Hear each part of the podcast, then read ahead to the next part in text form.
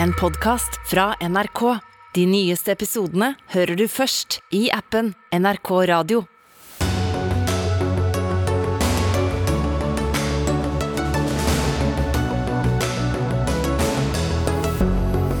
Fredsprisen til en russisk menneskerettighetsorganisasjon, et ukrainsk senter for sivile rettigheter og belarusisk menneskerettsaktivist. Men det er ikke en pris mot Vladimir Putin, ifølge Nobelkomiteens leder.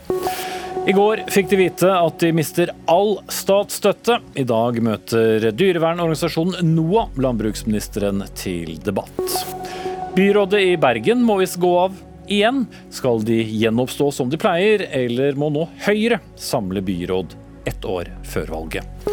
Og det er eh, sjakkmatt for presidenten i Norges Sjakkforbund etter at han innrømmet juks i turnering. Hva slags troverdighet har norsk sjakk? Dette er eh, fredagens Dagsnytt 18. Jeg heter Espen Aas.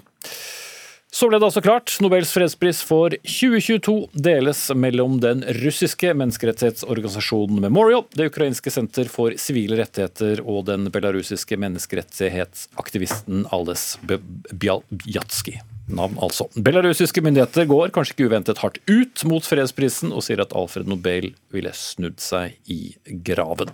Men utdelingen den hylles i stor grad. Statsminister Jonas Gahr Støre sier han håper russiske myndigheter leser begrunnelsen for fredsprisen og tar den til seg. Men Berit Reiss-Andersen, leder av Nobelkomiteen, det er ikke en pris mot Vladimir Putin, har du sagt i dag? Og det er helt korrekt. Det er en pris for den viktige betydning sivilsamfunn har. Sivilsamfunn er et korrektiv til politisk makt, uansett, også i demokratiske land. I um, autoritære land så er sivilsamfunnet, eller det, den delen av sivilsamfunnet som greier å operere, også en protest og en motstandsbevegelse mot diktaturet, men også bærere av verdier som fredsprisen forvalter, demokrati, menneskerettigheter, rettsstat.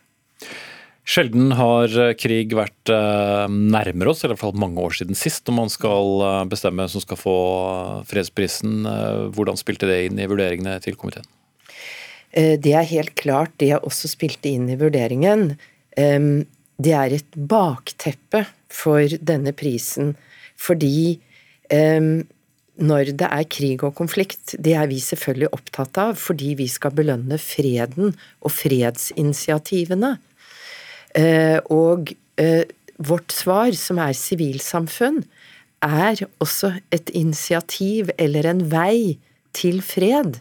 Eh, fordi en krig varer uansett ikke evig. Den blir ikke alltid løst militært. Og det Eh, sivilsamfunnet og den type aktivisme som får eh, som belønnes med fredsprisen nå, er en motstandsbevegelse eh, mot krig. Og ikke minst Memorial og Center for Civil Liberties, som ser det som sin oppgave å dokumentere overgrep eh, som blir begått i krig. Det er et svært viktig virkemiddel for at krig skal utvikle seg, og kan være et virkemiddel for å avslutte krigen. Berit Lindmann, generalsekretær i Norske Helsingforskomité. Du tvitret i dag tidlig at du håpet at én av disse skulle få Nobels fredspris, og så ble det store slem. Men eh, hvilken forskjell kan det gjøre? Um, jeg tror at disse organisasjonene allerede har gjort en stor forskjell i eh, sine samfunn. Eh, de eh, har utdannet sin egen befolkning i hva demokrati er. De har også vist egne myndigheter hva demokrati er, og hva, hvilken motstand egen befolkning kan yte. Lukasjenko oppdaget jo dette med all tyngde eh, i 2020. Eh, og eh, Vjasna og Alice Belatski har vært en bærer av det arbeidet gjennom 25 år. Disse tre organisasjonene representerer i hvert sitt land noe av det ypperste av det sivilsamfunnet byr på. Og de er også tre organisasjoner som kjenner hverandre og respekterer hverandre veldig høyt. Fjorårets, eller ene av fjorårets prisvinnere, Dmitrij Muratov, eh, avisen hans får jo ikke publisere lenger i, i, Russland. Kan denne fredsprisen, som jo også gis til eh, da eh, noen som sitter i, i fangenskap, gjøre vondt verre? Det er alltid en fare når vi gir prisen til personer som er utsatt for forfølgelse fra myndigheter. Vi har et standpunkt om at vi alltid må vurdere det, men dette er personer som har foretatt et radikalt valg. Bialatski har viet sitt liv til å kjempe for det han tror på, og stå opp mot et diktatur. Det ser ut til å uh, være koste hva det koste vil. Uh, Memorial er allerede stengt ned. Eh, de tilbringer, deres representanter tilbringer eh, dagen i en russisk rettssal. Det har en omkostning å utfordre makten på den måten disse organisasjonene og Bialatski har gjort. Dermed er dere vel også forberedt på at uh, minst én stol kan bli stående tom 10.12. når diplom og prisen skal deles ut? Det kan hende, selv om jeg har brukt dagen i dag. Jeg er blitt intervjuet av eh, verdenspressen, og jeg har uttalt appell flere ganger at Bialatski må løslates. Eh, det er jo ikke akkurat noe som styrker omdømmet til diktaturet i Belarus at man holder en Nobel fredsprisvinner fengslet i bokstavelig talt et fangehull. Mm. Lindemann, eh, tror du det kan eh, legge press på myndighetene i Belarus eller gamle Hviterussland? Eh, ja, det, det, tror jeg. Og så skal vi også eh, tenke på det faktum at eh, Belarus var begynt å komme litt ut av eh, oppmerksomheten til det internasjonale samfunnet. Det havnet i skyggen av eh, krigen i Ukraina. Eh, dette løfter nå Belarus og situasjonen til Ales og de andre 1346 politiske fangene i Belarus nå igjen til vår alles oppmerksomhet. Og Lukasjenko har vært under sterkt press i en lang tid. Det eneste som holder han ved makten, det er Putin, som også er, sin maktbase også er truet. Så, så det kan jo være at uh, dette ikke nødvendigvis prisen, men denne situasjonen som vi nå alle står oppe i, uh, er begynnelsen til slutten på disse regimene. Kan det også gå motsatt vei, at det oppfattes som en eh, provokasjon, som jo fredspris eh, har gjort før? Ja, det kan det. På den annen side så er det internasjonale samfunnet så klinkende klare i sin fordømmelse eh, av eh, både Putin og Lukasjenko, så det er ingen tvil eh, hos dem hva, hvilken oppfatning som er av dem allerede. Så jeg tror ikke prisen eh, i seg selv vil endre noe særlig på det. Hva er meldingen da fra Nobelkomiteen til eh, både Belarus og, og Russland? Meldingen er veldig i tråd med det som her er sagt. Det er jo ikke fredsprisen i seg selv som skaper fred eller endring, men det er fredsprisen kan sette søkelyset på og beskytte de personer og de organisasjoner som allerede står i arbeidet. Vi kan hjelpe dem til å få mer oppmerksomhet eh, og den beskyttelsen som eh, verdenssamfunnets oppmerksomhet gir.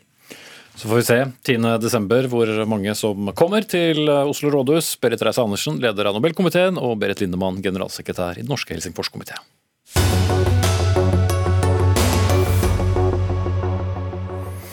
Det er ikke fritt for at eh, det kommer eh, fortsatt reaksjoner etter eh, fremleggelsen av forslaget til neste års statsbudsjett fra regjeringen. Blant annet har en del merket seg at dyrevernorganisasjonen NOAH ble fratatt sin statsstøtte.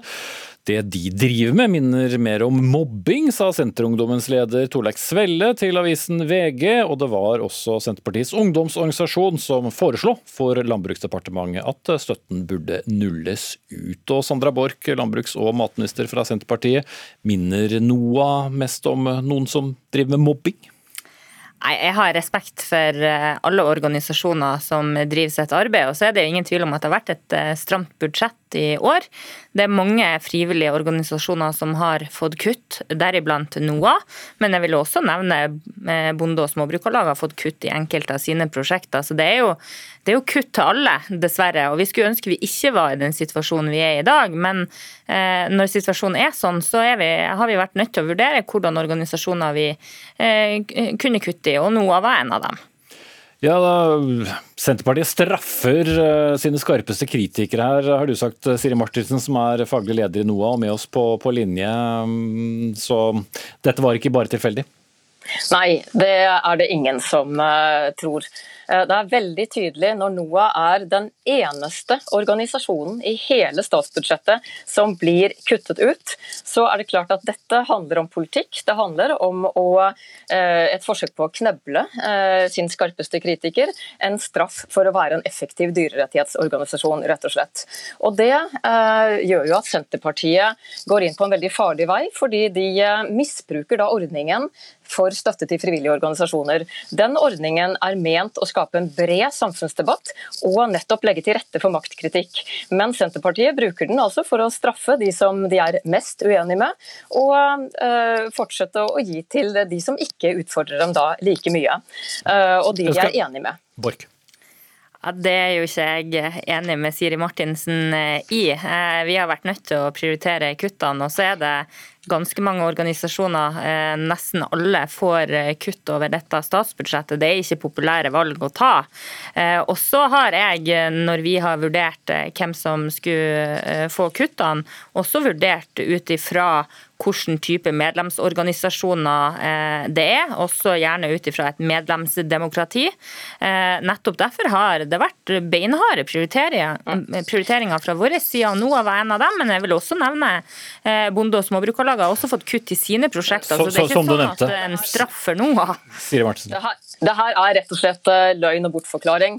Eh, det er en lang liste av organisasjoner som har fått noe kutt, men nå er den eneste organisasjonen som har blitt kuttet helt ut. Andre organisasjoner som fortsatt er på budsjettet, har eh, samme struktur som NOAS. Så dette handler ikke om struktur, det handler ikke om størrelse på budsjett, det handler ikke om alle disse bortforklaringene som man har sett nå.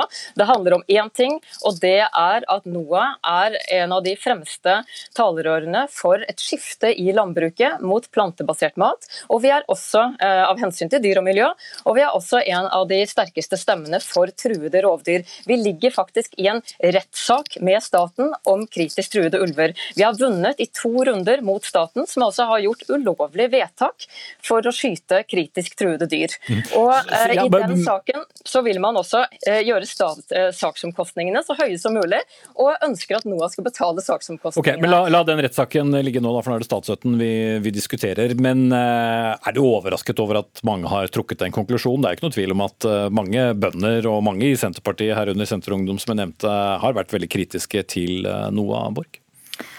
Nei, men det som jeg har sagt, og, og det tror jeg også NOAH må være litt forsiktig med, det er ikke sånn at NOAH er en egen post under statsbudsjettet. Dette er en støtte som går til ulike organisasjoner.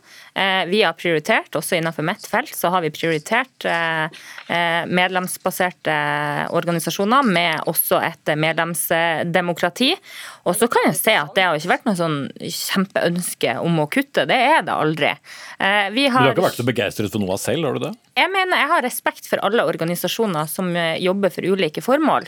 Og så vil jeg jo si at Landbruks- og matdepartementet vi jobber med å fremme landbruk og mat. Eh, jeg har også prioritert de organisasjonene som, eh, som eh, jobber for det. Og så vil jeg advare noe om å gå inn på debatten om at man på en måte er en egen post under statsbudsjettet. Det er man ikke. Det er ingen rettighet å få penger over okay. frivillige organisasjoner i et stramt budsjett. Så må vi gjøre prioriteringer. Ja, Siri Martinsen, hvilke, vent litt, jeg skal stille deg spørsmål. Hva, hvilke konsekvenser får det da at all offentlig støtte faller bort? Eh, først må jeg understreke at dette er diskriminering. For det er altså også gitt til stiftelser og uh, organisasjoner med ulik type struktur. Jo, jo, men Du kan også svare på spørsmålet. Hva det får det å si? Absolutt. Vi får mindre evne til nettopp å gå til rettssak mot ulovlige vedtak som rammer dyr, slik som vi har gjort i ulverettssaken. Vi får kanskje ikke mulighet til å sende ut informasjon om plantebasert mat og dyrevern til skoler, som vi har gjort hvert eneste år de siste årene. Vi har faktisk brukt 1,5 million hvert år på å sende ut informasjon til skoler om eh, plantebasert mat, miljø og dyr. Og Det er noe regjeringen selv skulle ha brukt penger på, men det gjør de altså ikke. Det er det NOAH som har brukt penger på. og Det kan vi være nødt til å stoppe med nå, og det er en stor tragedie, selvfølgelig. Det er viktig at en organisasjon som NOAH blir større og sterkere, fordi vi trenger å gjøre grep for dyr og natur i samfunnet. Vi har en naturkrise. Dyr har det faktisk ganske dårlig, ikke minst i landbruket. Og jeg vil eh, også rette en takk til alle som ja, Nå ble det så langt at nå avbryter jeg deg, Siri Mortensen, hvis det skal være et poeng med en debatt her. Men eh, Sandra Borch, budsjettet skal godkjennes i Stortinget med SV, som har et litt annet uh, forhold til organisasjoner kanskje enn mange av dine uh, velgere. Hvor viktig er denne saken? For det er ikke snakk om store penger i det enorme statsbudsjettet? Nei, Det er ikke snakk om store penger. Samtidig så ser vi at det er en rekke organisasjoner som får kutt. Eh, NOAH er en av dem, men jeg kan jo òg nevne, og det er jo ikke noen skryteliste jeg liksom ønsker eh, å, å, løfte her i dag, men Småbrukarlaget får kutt i sine prosjekter. Ganger, Norsk gårdsost, Bondens marked. Dette er også organisasjoner som bidrar til å løfte norsk mat. Men det er riktig som Martin sier at ingen av dem har fått fjernet all støtten? Eh, prosjektet til Bonde- og småbrukarlaget er jo eh, fjerna i statsbudsjettet, så det er jo beinharde politiske prioriteringer. Sånn er, sånn er det. Og så vil jeg også si at jeg er enig i premisset til Martinsen eh, om at dyr i Norge har det dårlig. Eh, Norge er verdensledende på dyrevelferd. Eh, det skal vi være stolte av. Men Mattilsynet har noen lister som viser noe annet? Ja, og Mattilsynet er viktig. De ligger under Landbruks- og matdepartementet som en organisasjon eh, som er styrka gjennom denne regjeringa eh, de, siste året, med har fått økt bevilgninger. Ja, men jeg setter strek. Sandra Borch, landbruks- og matminister fra Senterpartiet, og Siri Martinsen, fagleder i NOA, selv om jeg hørte at du hadde mye mer på hjertet.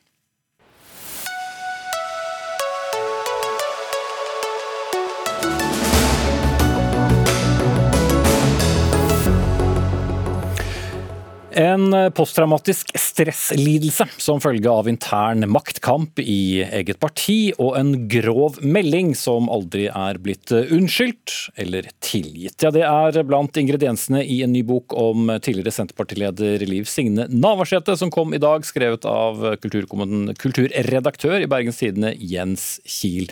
Tittelen er jeg veit hva jeg snakker om. Og Liv Signe Navarsete, to av statsrådene i dagens regjering, Ola Borten Moe, som er statsråd for høyere utdanning, og forsvarsminister Bjørn Arild Gram, var med på denne famøse hytteturen som store deler av landet kjenner, der den grove meldingen 'Vi har lyst på fitta di' ble sendt fra telefonen til en av deltakerne på turen. Og selv om begge statsrådene har nektet for å stå bak, hvordan føles det for deg å se at disse to er i regjering? Altså, det har jeg i grunnen ikke noe særlig forhold til. Jeg vet sjøl hvor vanskelig det er å finne, sette sammen et regjeringskollegium.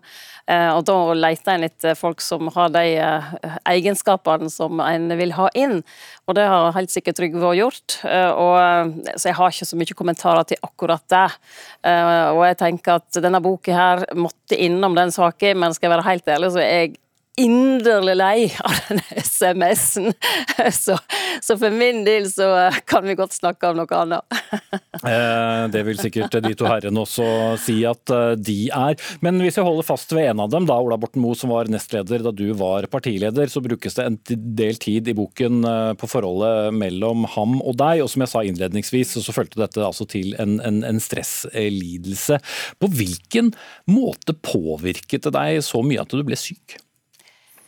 Det var nok noe som bygde seg opp eh, gjennom 2013. Eh, det var et tøft år. Eh, vi sleit nok òg litt i regjering. Det er nok å nevne sykehus, noen veidiskusjoner. Altså ja, det var en del saker som var ganske tøffe, og vi var kanskje begynt å bli litt slitne, de tre partiene i regjering.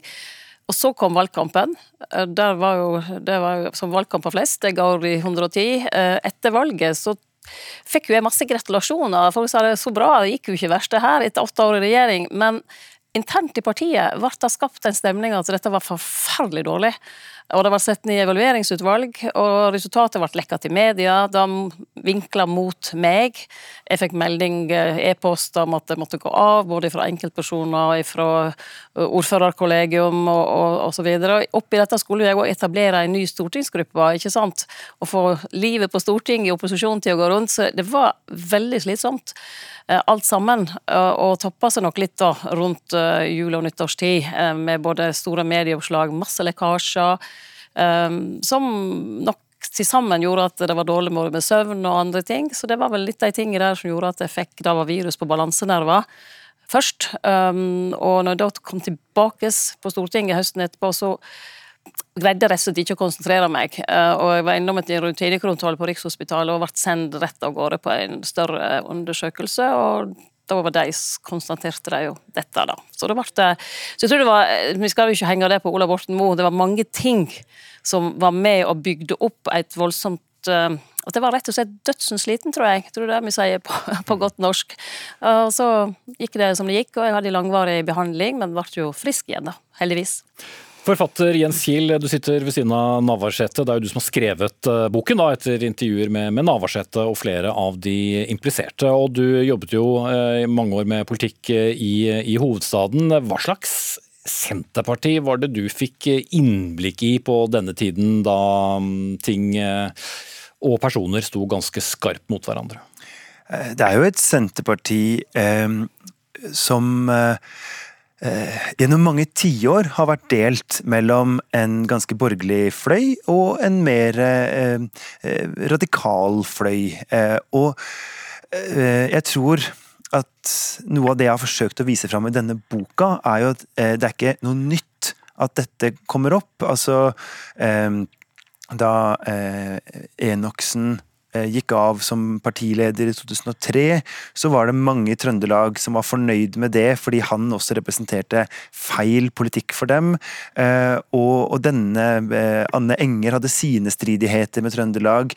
Dette går langt tilbake, men det er klart, dette er et Senterparti som aldri helt klarte å, forene de to delene Eh, politisk. Og det viser seg jo da selvfølgelig også i kamper mellom eh, eh, altså i, i, stridigheter mellom mennesker. Mm. Jeg må nesten spørre deg, Navarsete. Når sist snakket du med din tidligere nestleder? Ja, Det var når vi var i lag på et eller annet møte når jeg var på Stortinget, men jeg husker ikke akkurat hvor tid det var.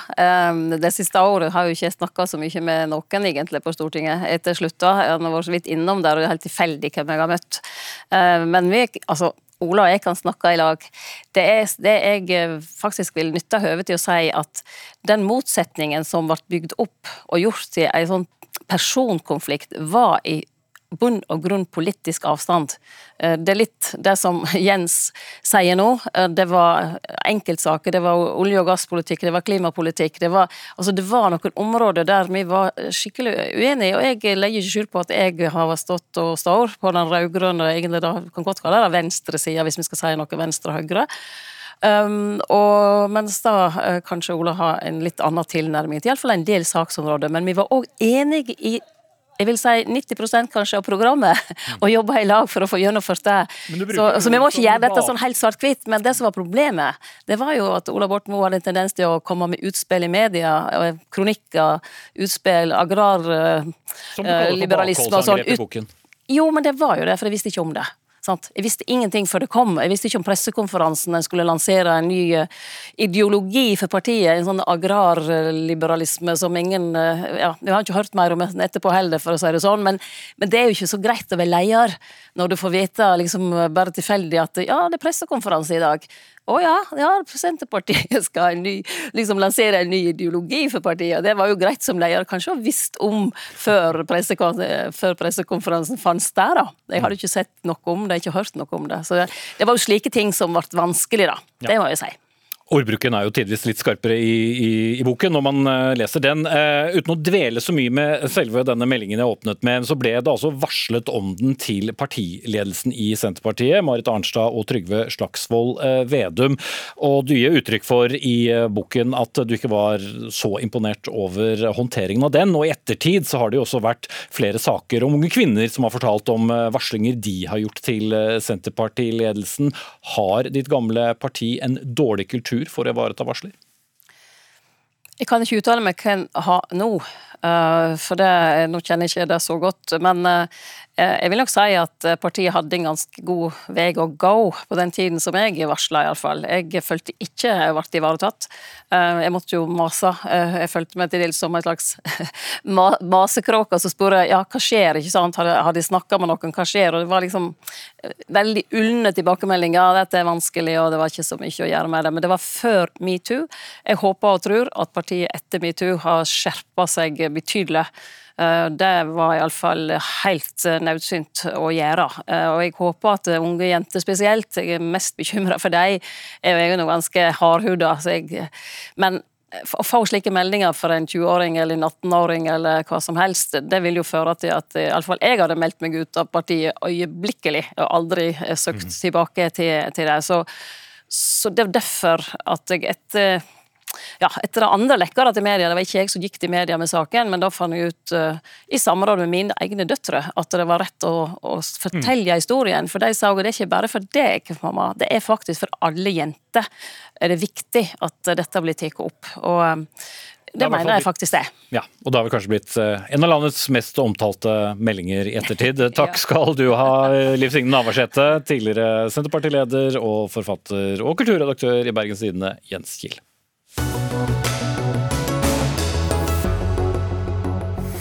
Senere i Dagsnytt 18, dramatikken i bergenspolitikken har visst eh, ingen ende. Tror muligens jeg har sagt akkurat det før i dette programmet, men klokken 19 er det varslet pressekonferanse ved byrådsleder Roger Valhammer, som i går fikk et flertall av mistillit mot seg fra bystyret.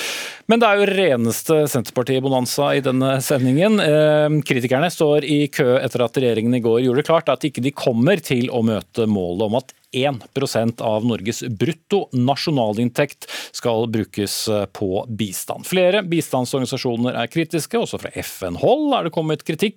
Norge bruker i stedet 0,75% av bruttonasjonalinntekten. Men Budsjettet er likevel 2,5 milliard kroner større enn sist. Og Dag Inge Ulstein, stortingsrepresentant og nestleder i Kristelig Folkeparti, tidligere bistandsminister også.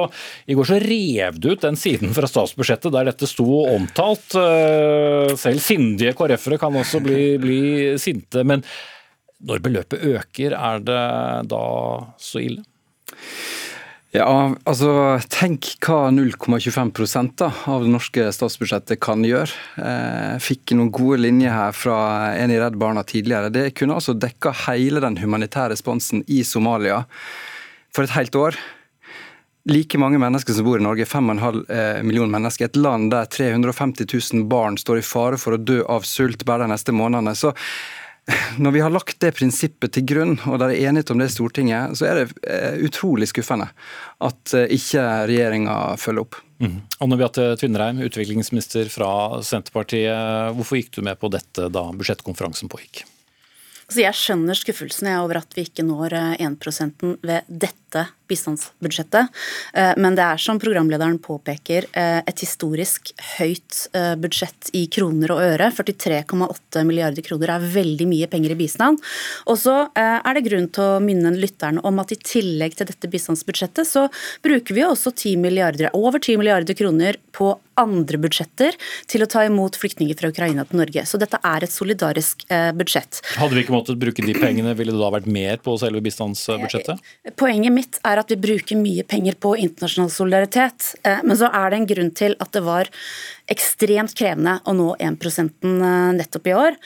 Fordi BNI har altså økt eksepsjonelt mye og veldig veldig fort. Mm. Så skulle vi nådd den prosenten, så måtte vi altså funnet nesten 17 milliarder kroner ekstra fra andre områder for å nå 1 Og mm. det er en utfordring som på en måte ingen, ingen utviklingsministre har stått overfor for tidligere. Men har jo, du har jo fått kjeft selv som utviklingsminister for ikke så lang tid tilbake. Man er jo aldri helt fornøyd med hvordan en, et rikt land som, som Norge gjør det på bistandssiden, men så lenge det øker, ja, men nå blir det sagt fra statsråden her at det er vanskelig å finne de pengene. Men de pengene er jo der. Det er jo ekstrainntekter, altså flere tusen milliarder mer Norge har fått nettopp pga krigen og krisa.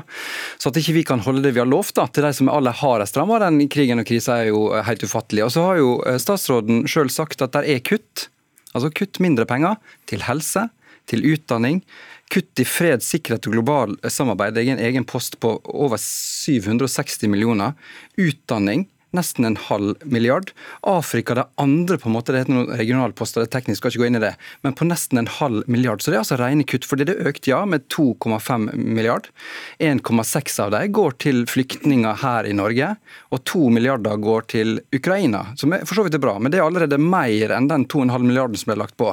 Så at når vi har tjent så enormt mye penger, Altså De som har gitt mye, skal òg forventes mye, men vi har altså fått mest, og da kan vi bidra.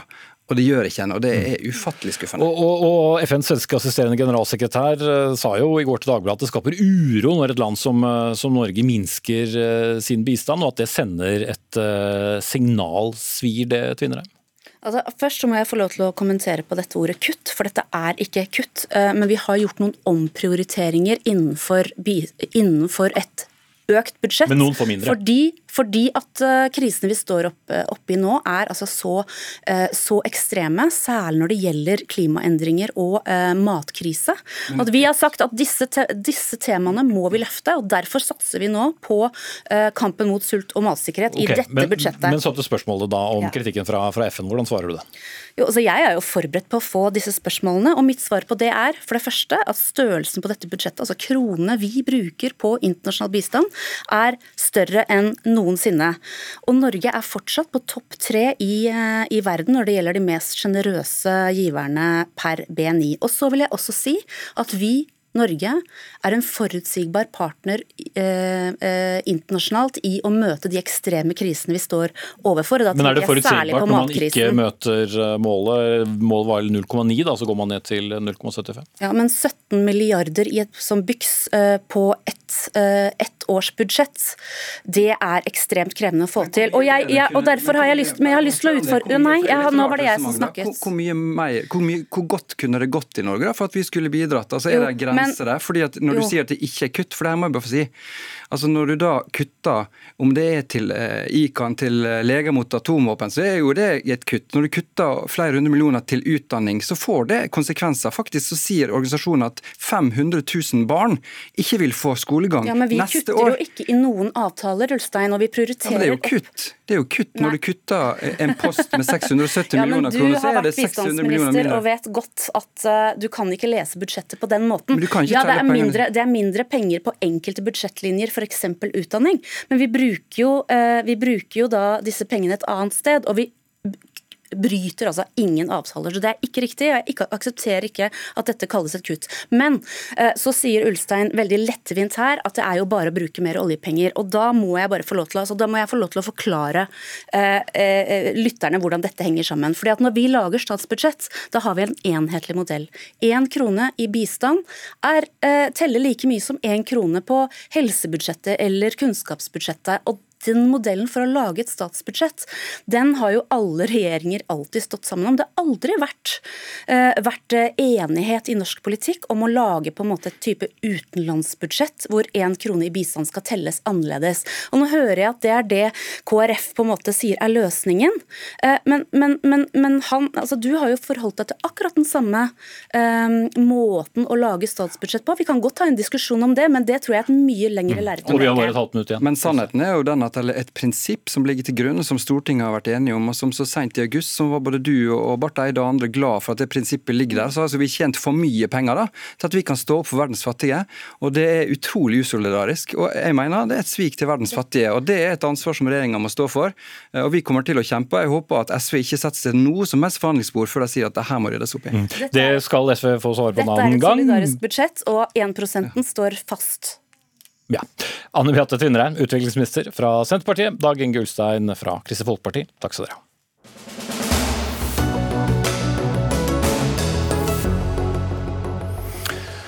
Det har jo mildt sagt stormet rundt byrådet i Bergen etter barnevernsskandalen som er rullet opp, og som fortsetter å rulles opp. For senest i ettermiddag er det avdekket fire nye avvik ved barnevernkontor i byen. Annet ble en, bekymringsmelding liggende i to år. Byrådsleder Roger Valhammer skal holde en pressekonferanse nå om 25 minutter, etter at et flertall i bystyret i går eh, kveld varslet mistillit mot ham. Og kommentator i Bergens Tidende, Gerd Margrethe Kjellflot, eh, hva er det forventet eh, fra Valhammer klokken 19? Det er jo absolutt forventa at han kommer til å trekke seg. Nå er det gått nesten et eh, døgn siden dette dramaet utspilte seg i går kveld. Vi har ikke hørt noe ennå, men han kan ikke ignorere det faktum at det nå eh, er et flertall eh, for mistillit mot han. Og så er det jo spenning knyttet til om han kommer til å si noe om framtida, om han kommer til å stille et valg for Arbeiderpartiet igjen. Hvis ikke så jo, kan jo dette være en slags stopper for hans politiske karriere. Det har jo pågått eh, ganske intens møtevirksomhet i flere partier eh, i, Bergen i dag. Eh, hvis ikke um, det sittende byrådet skal gjenoppstå, som jo har skjedd før, hvem, hvem kan egentlig danne byråd ut fra partifloraen i byen? Det er jo egentlig bare Arbeiderpartiet eller Høyre som kan danne byråd. Eh, og hvis eh, Valhammer-byrådet nå trekker seg, så er det jo naturlig at Høyre hadde fått eh, overta. Det blir i så fall deres ganske ferske byrådslederkandidat Kristine Meyer som må gå løs på den jobben et år før hun hadde tenkt. Og det er de ikke veldig lystne til, for det er en veldig vanskelig situasjon for de å prøve å få flertall. Basere, altså de måtte basere seg på et samarbeid mellom alt fra Folkets Parti, tidligere Bompengepartiet, til eh, Venstre, KrF, MDG, hvem vet, og også uavhengige representanter. Det kan fort bli ganske konfliktfylt. Og så kan en jo òg se for seg at Arbeiderpartiet med en ny person eh, som byrådsleder kan eh, prøve å stable på beina et nytt eh, byråd, men uansett så er dette en veldig uavklart og kaotisk situasjon. Ja, staurbæring eh, er jo noe man fort tenker på. Tone Sofie Aglen, kommentator eh, her i NRK. Det er jo ikke første gang da i nyere tid som sagt, at et byråd i Bergen må ta sin hatt og gå før de kommer inn og tar på seg hatten igjen. Hva er det som er så vanskelig med politikken i Bergen? Ja, det tror jeg det er mange som har eh, lurt på. I hvert fall nå så ser vi at, eh, at, politikken der er både veldig fragmentert og polarisert. Eh, mye handler selvfølgelig om at det vi tidligere kjente som Bompengepartiet, gjorde et brakvalg som gjorde det veldig vanskelig for begge sider å, å danne et flertall. Men vi ser også at de i mange partier så er, det, er de veldig splitta. Det er ganske sånn store personkonflikter. Eh, vi vet eh, f.eks. at Fremskrittspartiet i Bergen har vært nedlagt Eh, Senterpartiet ble trua med å bli nedlagt og er i realiteten eh, splitta. Det er også det eh, tidligere bompengepartiet i bystyret. Problemer innad i Høyre er jo et begrep vi kjenner, og mange har assosiert det med Bergen Høyre. Det har vært veldig mye konflikter der. Så det er, det er nok et ganske vanskelig landskap å, å styre. og jeg skal kanskje driste å hevde det som en trønder, men det virker som det er et eller annet med både konflikt- og desibelnivået i bergenspolitikken som er ganske annerledes enn i de fleste andre storbyene. Og så har jo denne berømmelige eh, Bybanen brast gjennom opp til flere partier, og uten at vi skal gå i detalj på det. Men eh, tilbake til deg, Kjell Flått. Et flertall har altså varslet, flertall har altså varslet mistillit mot byrådslederen. Men SV varslet kun mistillit mot sosialbyråden fra MDG. Hvorfor eh, gjør SV det på dette viset? De, de, forholdt seg veldig formelt til dette og mente at, eh, at ansvaret for barnevernet ligger hos sosialbyråden. Det gjør det jo. Eh, men eh, grunnen til at de andre partiene har landa på noe annet, er at hun har nettopp tiltrådt, og at dette er en sak som går langt tilbake i tid, og at det er Roger Wallamer, byrådslederen, som har sittet med makta hele veien. Han har skifta ut byråden og må derfor ta det lange ansvaret. At SV gjør dette De ønsket kanskje å unngå en situasjon som akkurat den vi har nå. De har vært et samarbeidsparti for dette byrådet og er nok ikke veldig lystne på at Høyre skal overta, eh, sånn som det kanskje er mer sannsynlig at vil skje nå. Tone Sofie Aglen, eh, som vi skjønner så er jo ikke dette noen god situasjon for noen. Men eh, noe må gå, som du sier, Bergens Tidende. Men noen må også ta ansvar. Men hvem blir dette vanskeligst for?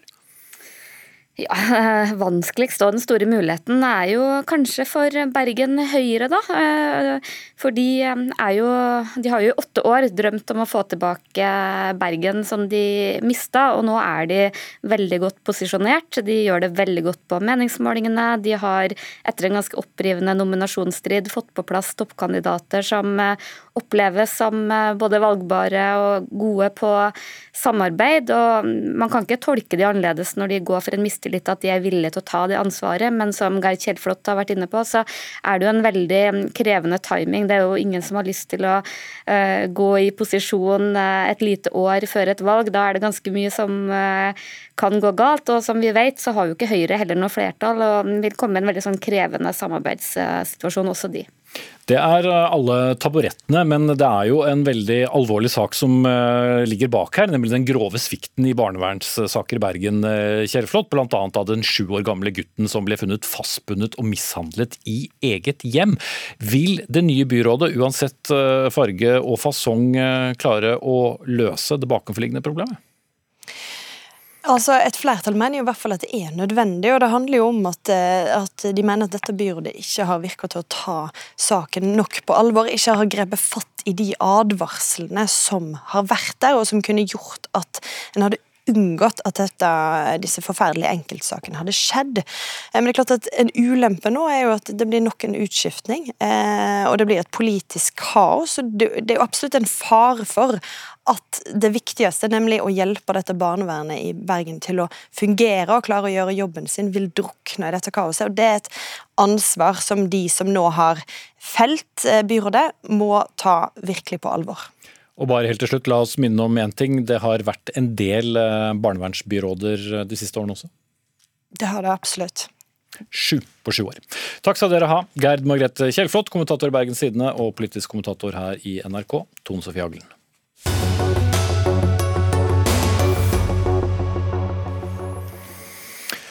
Vi fortsetter eh, hos nær sagt vår rekke av Senterparti-gjester, men eh, snarere vår rekke av saker om gårsdagens forslag til statsbudsjett fra regjeringen. Nå skal vi snakke om studentene. Dette er en klar beskjed til oss studenter. Vi må jobbe mer og studere mindre det neste året. Den som sa det er du, Maika Marie Godal Dam, leder av Norsk studentorganisasjon. Hvorfor må man jobbe mer og studere mindre?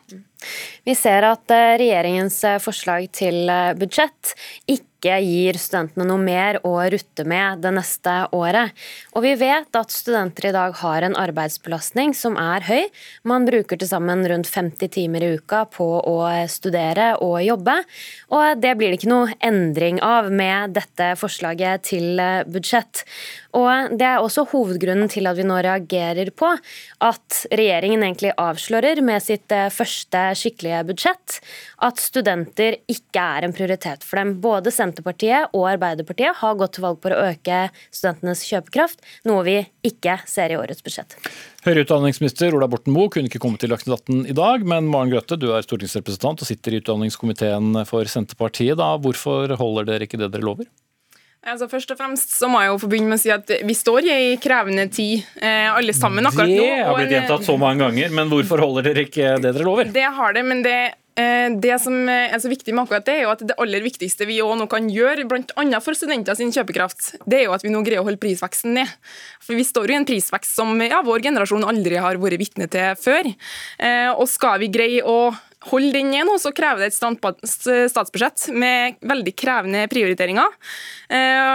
Eh, Og der er jeg glad da, at på tross av det, så er det jo sånn at vi ikke får oppholdt alle de tingene vi ønsker å gjøre. Vi må kutte i ting som vi egentlig ikke ville ha kutta i.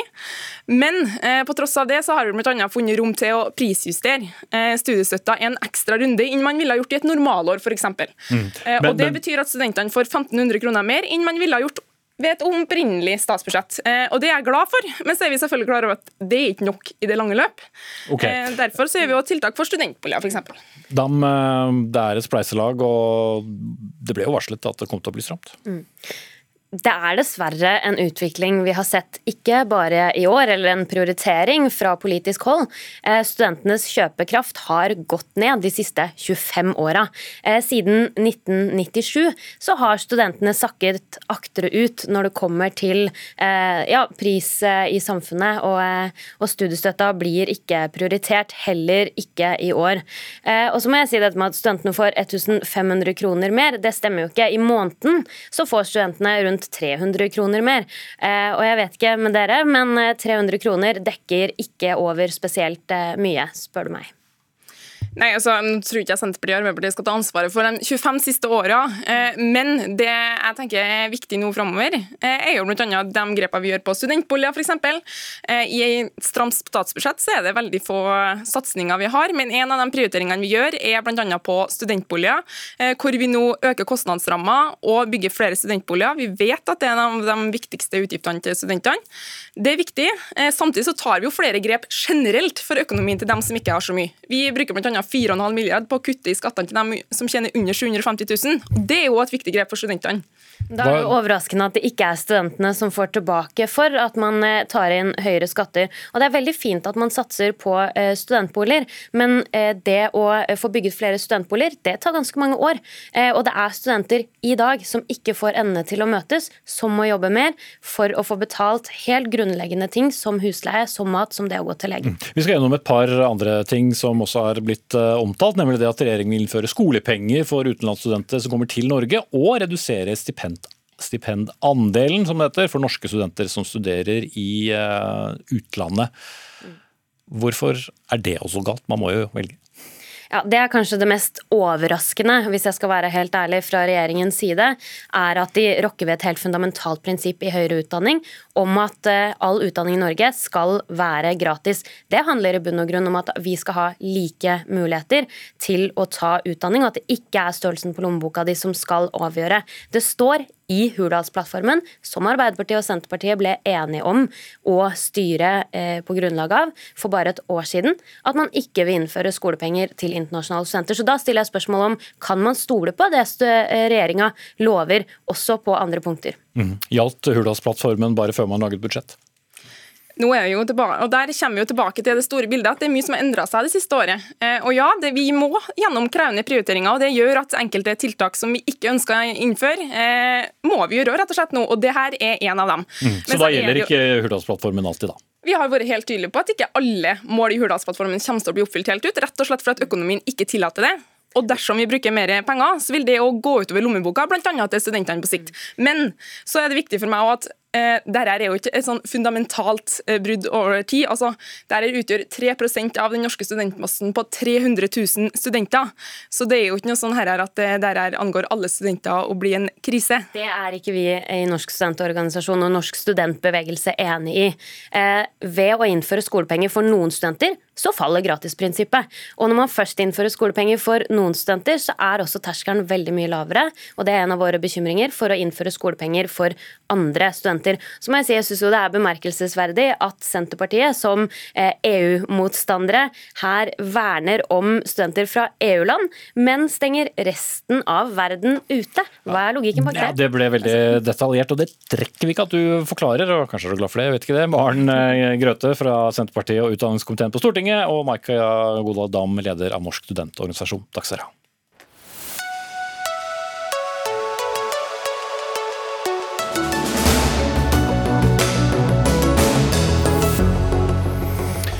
Presset ble for stort for presidenten i eh, Norges Sjakkforbund, Joakim Nielsen. Tidlig ettermiddag ble det klart at han trekker seg fra vervet, etter at NRK i går avslørte at han for noen år siden jukset under en turnering med laget Norway Gnomes. Jukset skjedde i en turnering med pengepremier som de vant. Skandalene i sjakkverdenen stanser altså ikke. Kristine Marie Gans, du er generalsekretær i Norges Sjakkforbund. Hadde han noe valg? Det er jo et godt spørsmål. Prinsipielt så hadde han jo ikke det. Eh, vi, ikke, vi, kan ikke ha en president som har erkjent juks. Eh, det fungerer jo ganske dårlig med mm. alt arbeidet vi skal inn i framover nå. Mm. Eller for å justere litt på det du sa, en som erkjente juks etter at han ble avslørt. Hva, hva slags historie forteller det at noen har sittet i toppvervet i Sjakkforbundet og vært en juksemaker? Ja um, Hva det forteller meg? Det forteller meg at systemene våre er for dårlige. Eh, det forteller meg at terskelen for å melde fra om juks er for høy. Eh, det forteller meg også at eh, vi står i en veldig vanskelig situasjon nå. Vi har stått i en vanskelig situasjon, og vi er på vei ut av en vanskelig situasjon. Men at vi har håndtert den riktig, er jeg veldig fornøyd med. Mm. Etter en avsløring. Leif Welhaven, kommentator i VG. Hva forteller det deg om norsk sjakk? Altså, det forteller meg om uh, en sjakkverden som står i en uh, troverdighetskrise. Dette begynte jo på det internasjonale planet med konflikten mellom Niemann og Magnus Carlsen, men de siste dagene så er jo fokuset mer og mer altså, blitt flyttet over til den hjemlige arena. Og det er klart det er alvor når en øverste mann med det øverste tillitsvervet i norsk sjakk selv har jukset. og det vi må nok kunne stille oss en haug med spørsmål om hvor omfattende har jukset vært, hvem har visst, hvordan kan vi stole på at den og den har bygd opp eh, karrieren sin sånn og slik. Og jeg tror den eneste måten sjakken kan komme ut eh, av dette på, er å nå få mest mulig på bordet. og Dette må gjøre vondt før det forhåpentligvis eh, kan bli bedre. og mm. Så er det bra at han gikk av. Han kunne med fordel ha gjort det umiddelbart etter at det ble kjent. Ja, Gans stopper denne saken med hans avgang, egentlig? Eh, nei, det gjør det jo ikke. Eh, men jeg kan ikke kommentere ytterligere hvordan saken vil bli håndtert fremover. Eh, vi har vårt regelverk å forholde oss til, og alle sånne saker skal gjennom eh, prosedyrene i tråd med regelverket vårt. Sjakk har jo nærmest blitt allemannseie, mye pga. En viss Magnus Carlsen, selvsagt. Torstein Bae, du er ekspertkommentator her i NRK etter at nettopp sjakk har blitt så populært, og så kommer dette. Hva slags skade gjør det? Det er klart det gjør stor skade, og det Gann sier er jo at det handler om systemer, og det kan kanskje være noe i det, men jeg tror det vi ser først og fremst er at det handler om en kultur i sjakken, og særlig i sjakk på nettet, hvor juks har forekommet i massivt omfang, og hvor man eh, ikke har hatt effektive sanksjoner mot spillere. Når det har blitt oppdaget, så har man ikke offentliggjort hvem som er jukserne, de har fått lov til å spille videre. Chess.com sier at de tar 27 000 spillere hver eh, måned i juks juksing bare på deres plattform. Og eh, selvfølgelig er det også mange begynnere, svakspillere, men også 50 stormestere, 100 internasjonale mestere. Det er masse spillere som tas kontinuerlig for juksing på nettet. Og Derfor er det klart at, eh, at det blir det krevende nå. Hvordan skal man gjøre noe med denne kulturen? For det er klart det er lett å jukse på nettet. Du sitter hjemme, spiller på PC-en, du har et annet vindu oppe med et sjakkprogram, du har mobilen oppe som du kikker på, og så jukser du i vei. Og hvordan skal vi da gjøre sånn at det blir mulig også på toppnivå å spille online, eller må vi rett og slett gå tilbake til de gamle, gamle treklossene våre som vi pleide å bruke i de, de gode gamle dager, og eh, nøye oss med spill ansikt til ansikt? Ja, jeg skulle komme til nettopp det, fordi fremstår det eh, litt eh, her som at det er litt mer greit å jukse når det er digital turnering, og når man ikke sitter overfor hverandre med, med, med fysiske brikker? Helt klart at det har vært eh, kulturen i, i eh, sjakken. og Det tror jeg er litt sånn grunnen til at ikke Nilsen umiddelbart trakk seg, og også at ikke alle klubbene straks sa at dette er helt uakseptabelt. At når det har vært på nettet, så har det vært regnet som litt useriøst, uhøytidelig, og det var det kanskje en gang i tiden. Men nå er jo også spill på nettet med titusenvis av dollar i pengepremier, som det var i denne saken hvor, eh, hvor Nilsen jukset. Men burde det være en forskjell, Leif Welhaven? Altså, dette er, kjernen dette er ganske skremmende. for Dette handler jo om å bagatellisere et eh, alvorlig problem. Prinsipielt så er dette helt sammenlignbart med doping. Altså det, dette handler om at altså, man tilraner seg en konkurransefordel ved, ved hjelp av eh, ulovlige virkemidler. Og det, blir, det er egentlig veldig rart at dette har forekommet i så stort omfang og vært tilsynelatende så akseptert. Hadde, altså, i, alt mulig annet man måtte kunne sammenligne seg med, så hadde det blitt, altså, blitt ramaskrik. Og når man leser altså, denne rapporten til chess.com hvor man altså stryker juksemakere med hårene, og hvis du bare innrømmer det, så er det greit, og du skal få en ny sjanse og diamantmedlemskap og gudene vet hva, så er det, så er det altså et eller annet med tydeligvis et miljø som altså overhodet ikke tar inn over seg at troverdighet og fair play henger sammen. og Dette gjør jo at sjakkens eh, vil ha et kjempeproblem overfor omverdenen hvis ikke man får ryddet kraftig opp i dette umiddelbart. Mm. Men hva slags sanksjoner skulle man ha?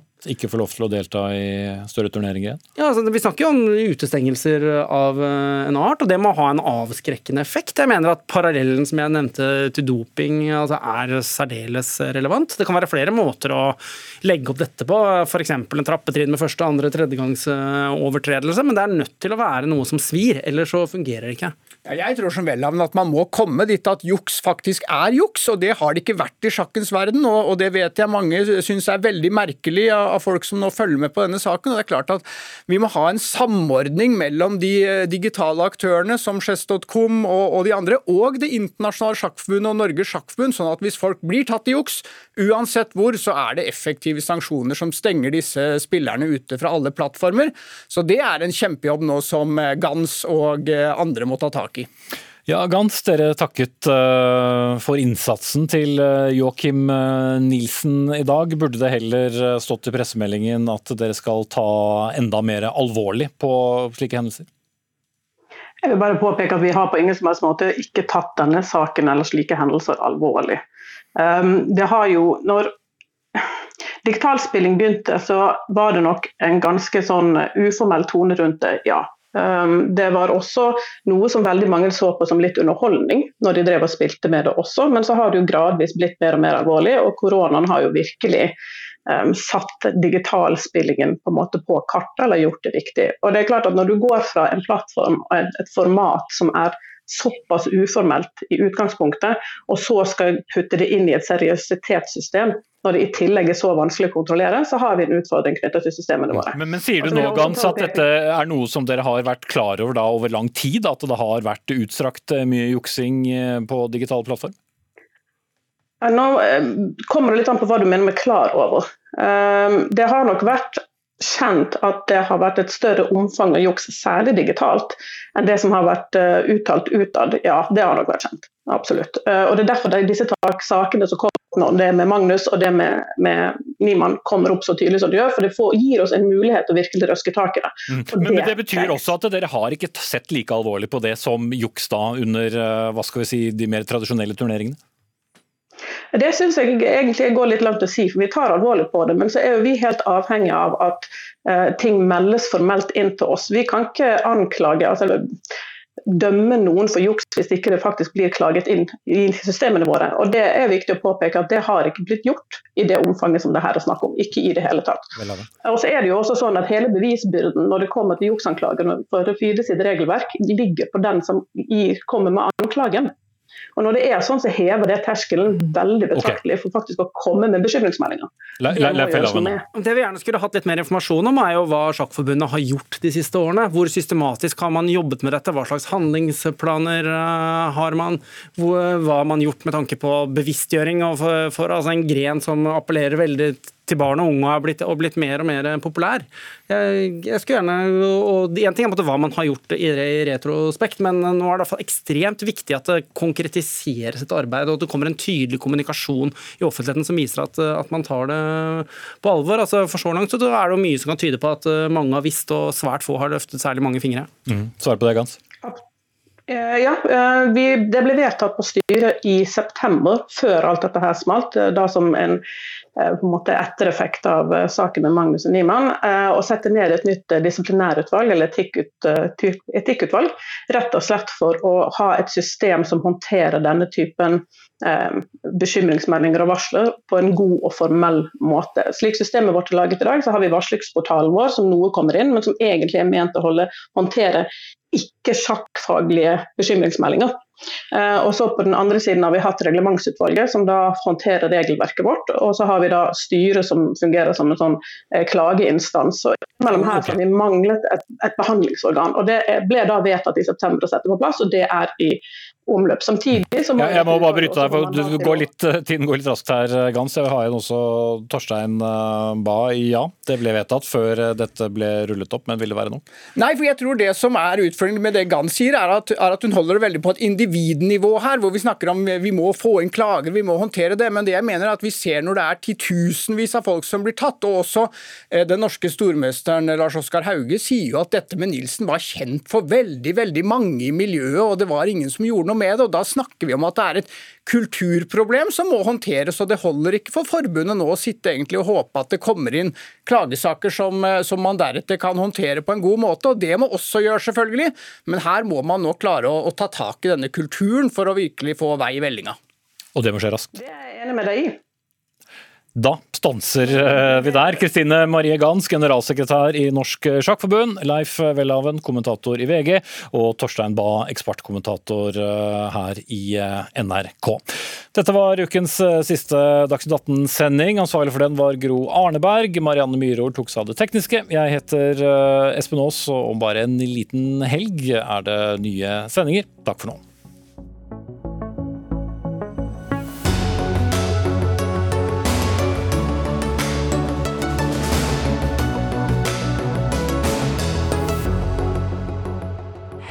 En podkast fra NRK.